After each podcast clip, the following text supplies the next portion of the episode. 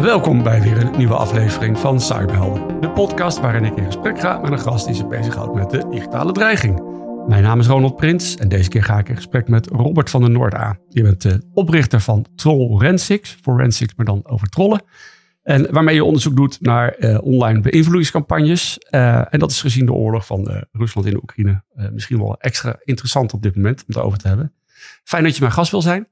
Dankjewel. Um, ja, misschien wel eerst goed om even uit te leggen. Wat doet Trollrensics nou eigenlijk precies? Wat doen jullie?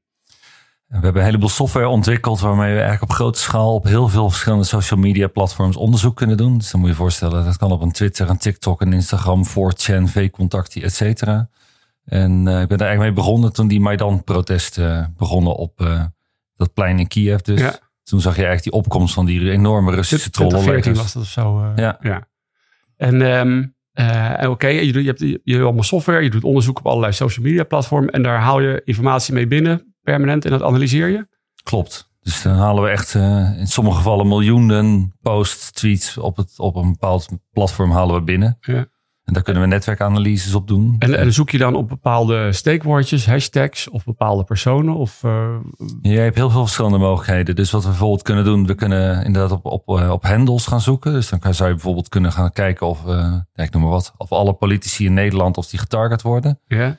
Dus daar kan je netwerkanalyse op los gaan laten. En daar kom je, haal je inderdaad soms gewoon de trollenlegers uit. Dus te beginnen bijvoorbeeld met Geert Wilders, die heeft nog wel eens wat uh, achter zich Ja, of shoots, shoots, maar... Ja, en, en Oké, okay, nou gewoon even een voorbeeldje van Wilders. Daar heb je wel eens naar gekeken. Wat, wat, wat, wat, zie je dan? Wat komt er dan naar boven? Nou, we vonden, we hebben voor Min BZK, het ministerie van Binnenlandse Zaken, hebben we vorig jaar tijdens de landelijke verkiezingen hebben we inderdaad helemaal analyses gedraaid. En daar hadden we op een gegeven moment een enorm Turks leger wat uh, hem aanviel. Een Turks cyberleger of een Turks ja, trollenleger? Ja, precies. Ja. ja. en dat gebruikte een hele vreemde hashtag. Terrorcit, dat had, had terrorist moeten zijn. Alleen omdat ze dat allemaal kennelijk opgedragen krijgen, gebruiken ze allemaal een Die uh, gewoon copy-paste. Ja, en, uh, precies. Oh, dat is ja. makkelijk vinden dan. Ja, als je weet wat je doet, dan kan je zien dat al die profielfoto's gestolen zijn. Ze gebruiken allemaal dezelfde e-mail provider. Dat, dat soort aspecten kan je allemaal uitanalyseren. Dus, oh, ja. uh, en, dat... en uh, aan de andere kant, hoeveel mensen zitten daar dan eigenlijk die dat zitten te doen? Want het lijken er dus duizenden mensen te zijn. Ja, dat is niet altijd helemaal te herleiden. Omdat je bijvoorbeeld bij die Internet Research Agency zag je dus dat sommige mensen 20, 30 van die accountjes hadden. En dat wisselt wel eens per persoon. En de Internet Research Agency, wat is dat? Dat was uh, een van de bekendste, of zeg maar de bekendste trollen toko van, uh, van Rusland. Dat was een heel groot gebouw in Sint-Petersburg. Ja. Dat gebouw reed trouwens vroeger vaak langs, dat ken ik goed, want ik heb daar ook nog uh, veel gewerkt. Oké. En daar hadden ze iets van 400 medewerkers, verschillende verdiepingen. En die hebben dus allemaal 20, 30 van die accountjes. En die zitten dan de hele dag te doen alsof ze Amerikanen zijn of zo. Ja. En die tweeten in allerlei talen. En hoe effectief is het nou wat die, wat die trollenleger zitten te doen? Veel effectiever dan men zou denken. Ja, waar blijkt het uit? Nou, als je nu bijvoorbeeld dat frame, dat Oekraïne zijn natie uh, bijvoorbeeld. Ja, dat is gewoon uh, de laatste tien jaar is dat door Rusland enorm rondgepompt. En niet alleen in Oekraïne, maar in heel veel landen. Dus ook in Litouwen. De, de Litouwen heeft precies dezelfde problemen. Dat beseft men hier niet. Ja. Maar dat wordt ook failed state genoemd. Het zijn allemaal naties, et cetera. Dus die hebben exact dezelfde problemen als Oekraïne. Oké, maar, en, uh, maar door iemand alleen maar natie te noemen, hebben ze, ja, is vervelend om te horen. Maar dan heb je nog niet automatisch problemen, toch? Nee, maar je ziet dus wel dat uh, bijvoorbeeld een bepaald percentage van de Nederlandse bevolking ook gewoon echt uh, bevattelijk is voor dat soort propaganda. En wat heel erg opviel was dat heel veel van die antivax-accounts in Nederland pakken massaal nu dat Poetin is goed bezig, anti-denazificatie, dat soort aspecten. Dat wordt gewoon hier in Nederland ook door een deel van de bevolking overgenomen. Ja, daar gaan we straks nog even over hebben. Maar die gaan, die gaan ja. ook mee met de nieuwe narratiefjes ja. die er opeens allemaal voorbij komen. De hobby COVID is voorbij, dus dan moeten we wat anders gaan doen. Ja. En, um, maar uiteindelijk zit nog even te zoeken van hoe, die, hoe dit nou daadwerkelijk impact heeft uiteindelijk. Hè? Want je zegt, uh, je, je legt het heel snel uit, maar wat uh, rondom Oekraïne zijn al jarenlang bezig. Zijn er campagnes bezig online om ze te, uh, als natie weg te zetten. Mm -hmm. En, uh, en hetzelfde zie jij nu ook gebeuren rondom Litouwen. Ja, al jaren overigens hoor, niet, niet ja. recent. Dus dat, uh, en dan is specifiek wel Litouwen, niet Estland en Letland of zo? Ook. Oh, okay. ook maar we hadden toevallig een opdracht voor NATO om het op Litouwen allemaal uit te analyseren. Dus daar hebben wij zeer uitgebreide onderzoeken gedaan. Die zijn net afgerond. Ja. Dus daar kunnen we echt in zeer veel detail laten zien hoe dat gedaan is. Oké, en maar door dat eh, continu te roepen. ehm, en dan, ja, ik zit zelf veel op Twitter, dus dat is een beetje mijn, eh, mijn- benchmark. Mhm. Eh, maar ga ik niet opeens denken van, ja, eh, dat zal dus ook wel zo zijn dat het allemaal nazi's zijn daar en dat er wat aan gedaan moet worden. Nee, maar er zijn wel degelijk mensen die in die bubbel zitten en die dat geloven. Die zijn niet alleen bevattelijk voor die Russische propaganda, maar ook voor die antifax propaganda of World Economic Forum, dat soort dingen. En Ja. die, die, die zie je meer van dat soort narratieven rondpompen. Ja, ja. je hebt in de, in de coronatijd heb je ook onderzoek gedaan, specifiek volgens mij rondom inderdaad eh antifaxers. Klopt, heel Ja. erg zwaar met een team van acht man. Ja, Daar was het doel om die twijfelaars naar beneden te krijgen. Gaat gewoon om doden te, te beperken. Het is gewoon een maatschappelijk verantwoord project. ja. Maar wacht even, even, je gaat weer grote stappen maken. Het is, eh, je doel is uiteindelijk om doden te beperken, omdat je mensen wil eh, laten zien dat die vaccinaties wel zin hebben. Maar daarvoor zijn er dus blijkbaar mensen geweest die opgeroepen hebben om niet te vaccineren. En daar, Veel, ook die Russen. ja, oh, dat hebben Russen ook weer gedaan. Ja, die zijn daar al jaren mee bezig. Al ver voor COVID, zag je dat. Ja. Maar ja, hoe kan je nou zeggen van voordat, COVID, voordat we iets wisten van COVID, dat we ons niet moeten laten vaccineren? Omdat het eigenlijk iets, en eh, je moet het zo zien, dat vooral die Russische trollen, en dat, er zijn nog veel meer van die trollen in allerlei landen die een beetje dezelfde systematiek hebben. Ja. Dat op het moment dat je een onderwerp pakt wat de maatschappij splijt, dus pak bijvoorbeeld asielzoekers met asielzoekerscentra, Ja. Eh, vluchtelingen uit Syrië die mogelijk IS kunnen zijn. En die vaccinaties is daar ook geen uitzondering op. Eh, het is eigenlijk er- ergens, als je het helemaal uitzoomt, is het allemaal een soort aanval op je democratie. Ja, en, ehm, en kan je dan ook terugleiden hè, van, eh, je noemt het al legers. Dat klinkt al een beetje alsof het van een land is. Dat ook de mensen die dat doen, dat die betaald worden door staten om op deze manier met desinformatie bezig te zijn. Ja, dat is me in heel veel gevallen wel gelukt inderdaad. Dus ik heb echt soms de directeur van die tent eh, zelf gebeld van wat ben je aan het doen met al die accounts. En dan wordt de telefoon erop gesmeten. In Sint-Petersburg toen. of- nou ja, daar hebben we ook daar hebben we, daar hebben we zelfs een medewerker naar Nederland gevlogen die daar zat. Ja. Die heeft dat hele verhaal verteld hoe dat werkte. Die kon je vragen stellen. Dus dat konden Nederlanders zelf dan allemaal eh, vragen aan zo iemand. Dus dat was wel een bijzondere ervaring. Oké, dus iemand die daar werkte, die Ja, heb je overgehaald van kom eens naar Nederland. ja, een Rus. Oh, eens. En, Ja. en jij spreekt ook Russisch, hè? Ja. En, ehm, en daar ben je mee gaan praten en die vertelde gewoon van ja, dit is wat wij doen. Ja, er was een journalist, die was undercover daar. Dus die Oh. wilde heel graag praten, maar die werd ook enorm bedreigd, haar, zij en haar familie. Ja. Dus eh, ja, die heeft daar wel heel veel last van. Dus eh, of dat leven van haar zo leuk geworden is daarna, weet ik niet. Maar die eh, is inderdaad een soort klokkenluiderachtig figuur. Oké, ja. Ja. En, ja. Maar die heeft er eerst in geïnfiltreerd om te laten zien van wat hier Ja. binnen gebeurt. En daar blijkt ook wel uit dat het echt door de staat, dat die mensen getaskt worden van... Ja, het is iets minder zuiver dan dat. Kijk, die, eh, het is die kok van, eh, van, van Poetin, die ook die, die eigenaar van dat Wagner-leger is. Hij is de eigenaar daarvan. Wat is het Wagnerleger? Dat is een eh, soort privé-Russisch leger, wat, wat nu met heel veel, trouwens ook in Oekraïne, maar wat veel in Central African Republic en Afrikaanse Ah, landen eh, helpt met alle eh, burgeroorlogen meevechten. Ja, oké. Ja. En, en daar zie je dus hoe die lijntjes lopen uiteindelijk. Ja, Eh, precies. En, en nou is dit op zich, eh, misschien, misschien is dat eh, iets niet wat bin- binnen jouw gebied zit, maar omdat je vooral online kijkt, maar dit is wat, wat Rusland bijvoorbeeld al jarenlang doet, hè? Ook, Ja, kijk, we voordat we een online wereld hadden. Nee, we kijken wel breder, want wat we doen is we kijken dus naar eh, zowel naar tv-media als naar kranten ook. Dus, maar dat kan je natuurlijk op social media ook terugvinden. Dus we kunnen bijvoorbeeld heel gericht eh, kijken hoe bepaalde publicaties van Russia Today, Sputnik, RIA Novosti, TAS en zo verspreid worden. Ja. En aan de- hand van dat, die verspreiding kan je soms ook al je trollenlegers weer vinden. Omdat die bepaalde artikelen die ze heel sterk vinden dan weer gaan pushen. Oh ja. Dus dan zie je ze allemaal hetzelfde tekstje met hetzelfde linkje. Of hetzelfde TCO-linkje. Weet je Ja. dat is ook nep. Dat is ook allemaal copy-paste. ja. Ik sta er nog steeds zo van te kijken dat, dat mensen zo beïnvloedbaar zijn op deze manier. Ja, goed, het werkt in Nederland ook. Ik bedoel, er, zijn, er is ook een percentage, dat is wel heel erg laag nu. Maar dat is Ja. er is ook een percentage van Nederlanders die vindt dat Oekraïne MH17 neergehaald heeft. Ja, ja. Dat, eh, en dat doen we ook netjes onderzoek naar om dat vast te stellen. Dat heb ik jaren gedaan. Ja. Ja, maar ik bedoel ook het percentage mensen die dat dan vindt. ja, kijk, je kan dat niet 100% hard maken, maar je kan dat redelijk duiden. Ja. Ja. Ehm, nou, e- eventjes terug, want eh, je hebt al heel veel voorbeelden genoemd. Maar ik vind dus elk voorbeeld interessant genoeg om even wat langer op in te duiken. Ehm, eh, de de antivax-campagnes, eh, waar je voor volksgezondheid voor gewerkt hebt, heb je analyses gedaan. Wat, wat, wat bleek daaruit? Nou ja, dan, ten eerste haal je al die narratieven terug. Dus dan krijg je echt lijsten met eh, alternatieven dat mensen dat vaccin niet hoeven te nemen. Dus dan praat je over stofjes zoals dat ivermectine, hydro- hydrochloroquine, Ja. eh, zelfs vitamine C. Of je moet sporten, want dat hebben we allemaal niet nodig. Maar er zit ook narratieven in van er is helemaal geen COVID. Of we veranderen over twee jaar gel- allemaal in hagedissen. Of we zijn allemaal dood over een jaar. Dat soort dingen. Ja, ja. En, en, eh, en er zijn dus duizenden mensen mee bezig om dit soort verhalen naar buiten te brengen. Ja, Ja, en, en hen- blijkbaar een bepaalde bevolkingsgroep is daar gevoelig voor en klopt. die, eh, eh, die accepteert dat. Ja. Ja. En, en als je daar nu onderzoek naar doet, wat, wat voor waarde heeft dat voor volksgezondheid? Wat kunnen ze ermee? Als jij zegt van, nou ja, eh, kijk, hier zijn al die, die tweetjes. Ja, dat, kijk, dan weet je wat er leeft onder de bevolking. Welke, welke bevolkingsgroepen dat zijn. Je kan nog enigszins die politieke geaardheid eraan hangen. ja. Op het moment dat je dan elke week al die narratieven hebt, dan kan je gewoon de juiste campagnes, websites maken, et cetera. Ja, ja, Dus dan wordt- dat, het, is, het is een soort counterpropaganda, maatschappelijk verantwoord, eh, ja. op een hele leuke manier, heel eerlijk, eh, heel open. Dus jij brengt eigenlijk naar voren van dit zijn de verhalen waarom mensen eh, geen vaccin gaan halen. En volksgezondheid gaat dan met communicatiestrategen daarover nadenken. Oké, dan moeten we wat tegenover zetten om ze over te halen dat ze het wel gaan doen. Ja, en ik denk dat je nu heb je na meer dan een jaar vaccinaties, kun je ook zeggen dat dat, dat het vaccin gewoon veilig is. Ik bedoel, er is altijd wel een keer een bijwerking. Ja. Dus je kan niet zeggen dat er nooit iets gebeurt. Nee, maar, maar goed, minimaal. jouw input werd echt gebruikt om daar tegenover eh, andere verhalen te zetten. Ja, om alleen maar te informeren wat er Ja. voor propaganda is, had niet zoveel zin gehad. Nee. Maar goed, wij zijn niet zozeer betrokken bij die, eh, bij die campagnes. Af en toe dan kunnen we wel wat suggesties doen. Nee, oké, maar dat is ook misschien weer een andere. Jullie moeten alleen naar boven halen van eh, dit ja, op wat basis van die data kan je dat doen. Ja. Ja. En, en kan je ook naar boven halen hoeveel procent van de bevolking dan opeens wel weer gelooft dat vaccins zinvol zijn ten opzichte van eh eh, ervoor? Ja, ik denk dat dat ongeveer, toen we een tijd lang dat gedraaid hadden, denk dat eh ja, zo'n 90% van de bevolking wel vond dat hij dat moest doen. En dat komt overeen met het vaccinatiepercentage. En dat was ook eerst minder?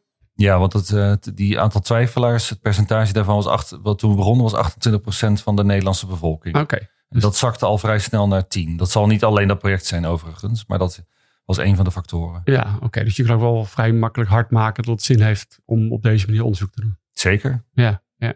En je noemde net heel snel eventjes eh, voor de NATO, dat je daar een opdracht voor doet. Ja, dat klopt. We hebben die, de, de- dat is gewoon een soort call eh, waar je gewoon budget kan krijgen. Dus je dient een project in. Het is niet dat ze dan gaan bemoeien van je mag dat niet doen of je moet het anders doen of wat dan ook. Ze zeggen gewoon van we vinden het leuk en dat betalen we. Dus het is niet Ja. anders dan een call voor SCDN.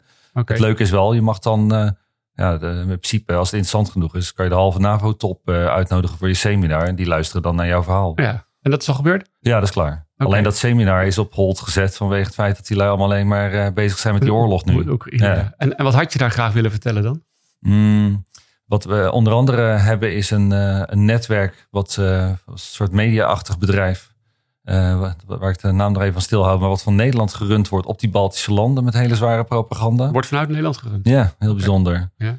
Eh, dat, is, dat is één hele, hele boeiende. We hebben enorme antivax-influencers gevonden, die, eh, wat, wat, wat echt heel raar in elkaar zit, wat wel een hele bijzondere vondst was. Dus dat Ja. was bijvoorbeeld voor een volksgezondheid hier, als we het in Nederland gevonden hadden, was dat ook wel een boeiende ge- geweest.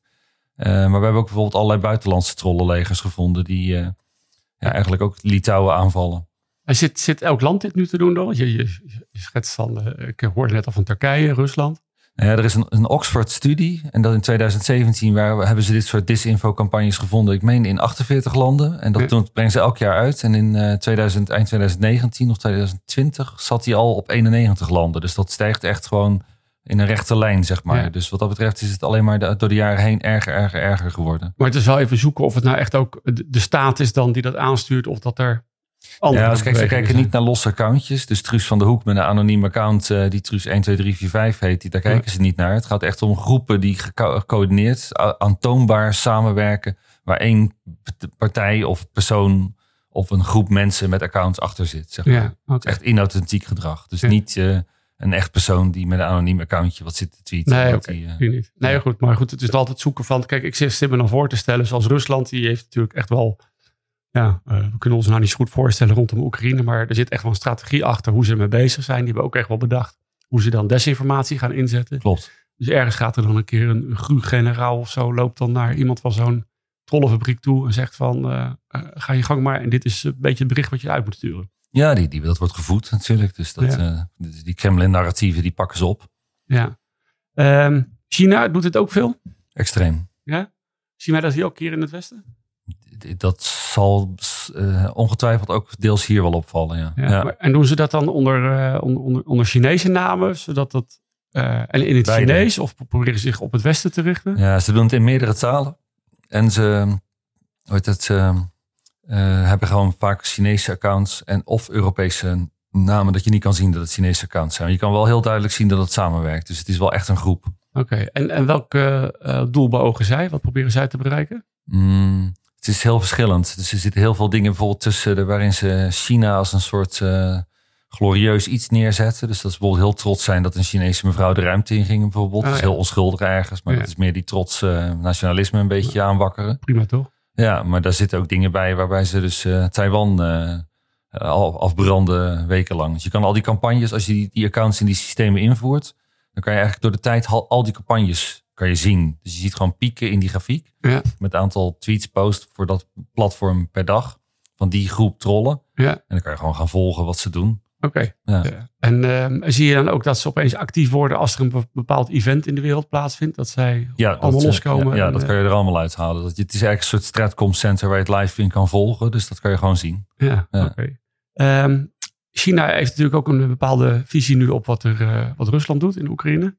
Laten ze dat nu ook zien online? Al die trollenlegers die pakken massaal dat Rusland op. Ja, en wat, wat voor boodschap proberen ze uit te dragen? Hetzelfde narratief als die Russen. Eh, het zijn allemaal naties, failed states. eh, het is allemaal door NATO gedaan, dat soort dingen. Echt, eh, Ja. ja. ik vind het zo bijzonder. Ik zie dat dus zelf nauwelijks voorbij komen op Twitter. Ik zit in mijn eigen bubbeltje natuurlijk. Ja, ik, ik kan je er honderdduizend Ja, nee, zien, helaas. Ik, ja. ik geloof je graag. En, maar dat, dit vervuilt dan wel heel erg wat er gebeurt op Twitter. ja. En, en op andere platformen. En uh, vindt Twitter het allemaal prima dat, uh, dat al die fake accounts maar bestaan en dat die onzin erin eruit gegooid wordt? Ja, kennelijk. Ik bedoel, als ik het zo uh, ik vrij simpel dit soort legers op kan sporen, dan, uh, ja, dan zouden zij het ook moeten kunnen, technisch, denk ik. Maar worden ze nooit op aangesproken? Jawel, natuurlijk wel. Maar dat, uh, ja, dat gebeurt toch weinig. Dat heeft geen effect uiteindelijk. Nou ja, tijdens die verkiezingen hebben ze wel actief alle rare ellende die we vonden, zowel voor Twitter als Facebook deden dat. Toen, toen deleten ze elke keer als een, een onderzoek van ons uitkwam, dan werd het de volgende dag weggehaald. Oh? Zonder dat wij vragen. Dat er is geen band tussen mij en die bedrijven. Maar het, is een, het zijn beursgenoteerde bedrijven. Dus op het moment dat ik, weet ik wil, de helft van Twitter zou willen deleten, omdat het allemaal trollenlegers zijn, dan uh, sloop ik dat be bedrijf de beurs. Ja. Maar zijn dat dan ook de, uh, de reële aantallen? Als je zegt van de, de, helft van Twitter? Ja, ik denk wel dat dat in die buurt zit. Ja? Ongeveer, ja. Dat is echt gigantisch. Ja, ja dat is krankzinnig, ja. ja. En um, dan zou je ook kunnen zeggen van, uh, ik zou zeggen misschien, uh, ja, gooi die accounts weg. Uh, anderen zeggen dan, ja, dat kan niet, censuur. Iedereen moet toch gewoon kunnen zeggen wat hij wil. Ja, kijk, het punt is, als, die, als dat een legitiem persoon is, dan ben ik het daar helemaal mee eens. Ik zou ook nooit, we komen niet in de buurt van de vrijheid van meningsuiting. Het voldoet ook 100% aan de AVG. Dat is per klant trouwens wel anders. Dus als ik een journalistiek project doe, heb ik meer vrijheden dan als ik voor een ministerie of zo werk. Ja. Maar at the end of the day, als, als het een bedrijf is die gewoon staalhard met, met weet ik veel, duizend accounts leugens aan het pompen is, wat echt je democratie aantast of je volksgezondheid. Ja. Ja, dan voldoet het zelfs niet aan de wet. Dan, moet je dat, dan heb je echt wat legale middelen om dat te deleten. Ja, en, um, ja, en dan zou je dus ook kunnen zeggen van dat dat uh, misschien wel eigenlijk meer een wapen is dan dat het gewoon vrije informatie is. Ja, dat zijn echt wapens. Ja, ja klopt. Ja. En uh, ja, we hadden het net ook over, over uh, RT, wat uit de lucht is gehaald hier in het Westen. Ja. Was ik zelf, dacht ik nog, hè, wat raar. Gaan wij nou ook opeens censuur plegen? Nee, maar ja, ik kan dat heel simpel uitleggen. Kijk, je hebt meerdere methodes om. Uh, uh, je kan naar twee dingen kijken: de, de, mensen in Rusland zelf en natuurlijk in het buitenland. Nou, wat we weten natuurlijk, wat we allemaal zien, is dat dat, dat netwerk van die Russische media is, is in heel veel landen gevestigd. Dus het is echt gericht niet alleen op Rusland zelf, maar ook op het buitenland. Ja. En uh, wat ze doen is niet anders dan wat een Cambridge Analytica deed tijdens bijvoorbeeld die Brexit. Alleen in dit geval lijkt het media te zijn. Ja, maar Cambridge Analytica, dat was targeted uh, uh, advertising, toch? Ja, maar dan lees je dus eigenlijk... Uh, bedoel, ze hadden zichzelf ook media kunnen noemen bij, bij Cambridge Analytica. En dan had je het gelezen op social ja, ja. Uh, media. Ik bedoel, er komt op de een of andere manier een boodschap op jou af. Wat, ja. jij, wat, wat tot jou komt en wat jij tot je neemt. Dus wat je leest of kijkt. Dus het kan tekst of beeldmateriaal zijn.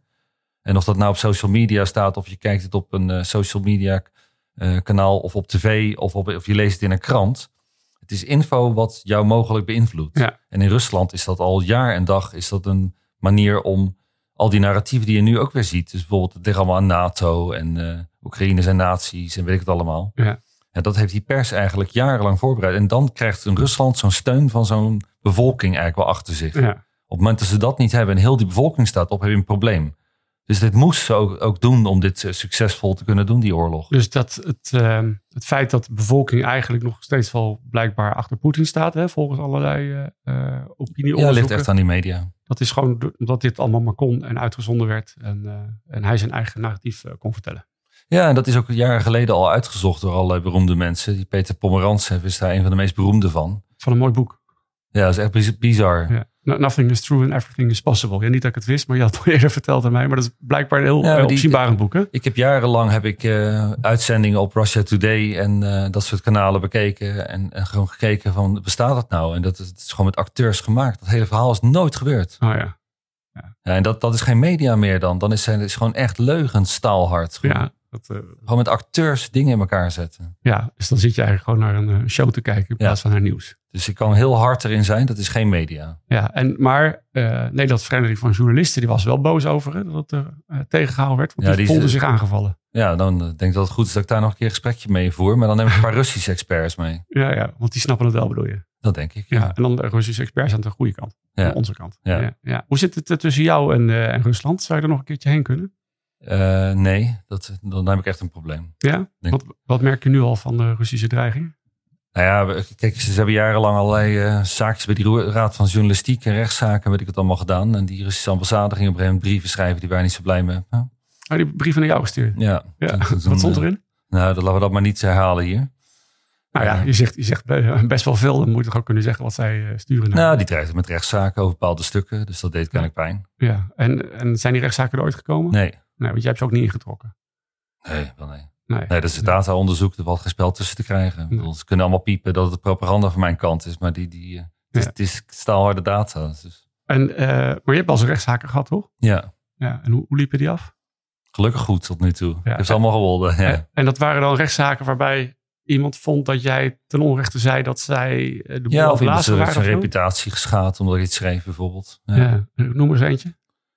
Nee, ga ik niet doen. Nee, nee dat okay. is echt maar, be bewust uh, niet handig om dat te doen. Zijn dat uh, uh, geheime rechtszaken ook dan of zo? Of, uh, alle, normaal in een, in een strafzaak kan ik alles op rechtspraak.nl terugvinden, maar deze zittingen niet. Nee, dat zijn gewoon privé advocaten die dan. Oké, okay, ja. Um, nou ja, je gaat Rusland niet meer in, maar je gaat nog wel even door nog met, met verder onderzoeken wat zij continu aan het doen zijn.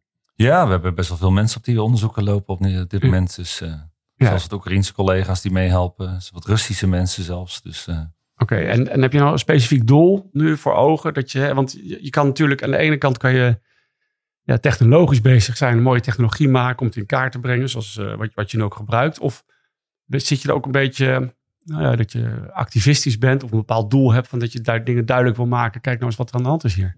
Nou, ik, ik, weet niet wie dat schreef, maar een tijdje geleden was er een keer een journalist van eigenlijk moet een uh, journalist is het niet zo verkeerd als die wat activistisch is. Dat ben ik niet zo heel erg. Ik ben wel een enorme fan van Oekraïne, trouwens van Rusland ook. Alleen niet van wat Kremlin doet. Ja, ik heb vier jaar in Rusland ook gewoond. Ja. Dus ik heb heel veel Russische vrienden. Dus al, al die mensen die me Russofoob en zo noemen, dat is allemaal onzin. Ja. Maar goed, dat mogen ze proberen. Dat, dat frame werpen ze altijd op. Um, en dat zijn Russen die dan de andere kant van de media ook hebben kunnen zien? Nee, ook veel Nederlanders hier. Die vinden dat ik niks uh, negatiefs over Rusland mag zeggen over, over het Kremlin. Oké, ja, ik ken die mensen niet, maar die komen natuurlijk naar juist naar jou toe. Omdat je zo, ja, op Twitter vooral. Zo tegen Soms op Facebook. Ja, ja oké. Ja. Nou, ik hoop dat je het nog even veilig houdt. En uh, ik wens je veel succes met je onderzoek. Hartelijk dank. Robert van der Noorda van Tol Rensix, heel veel dank voor dit uh, leuke gesprek.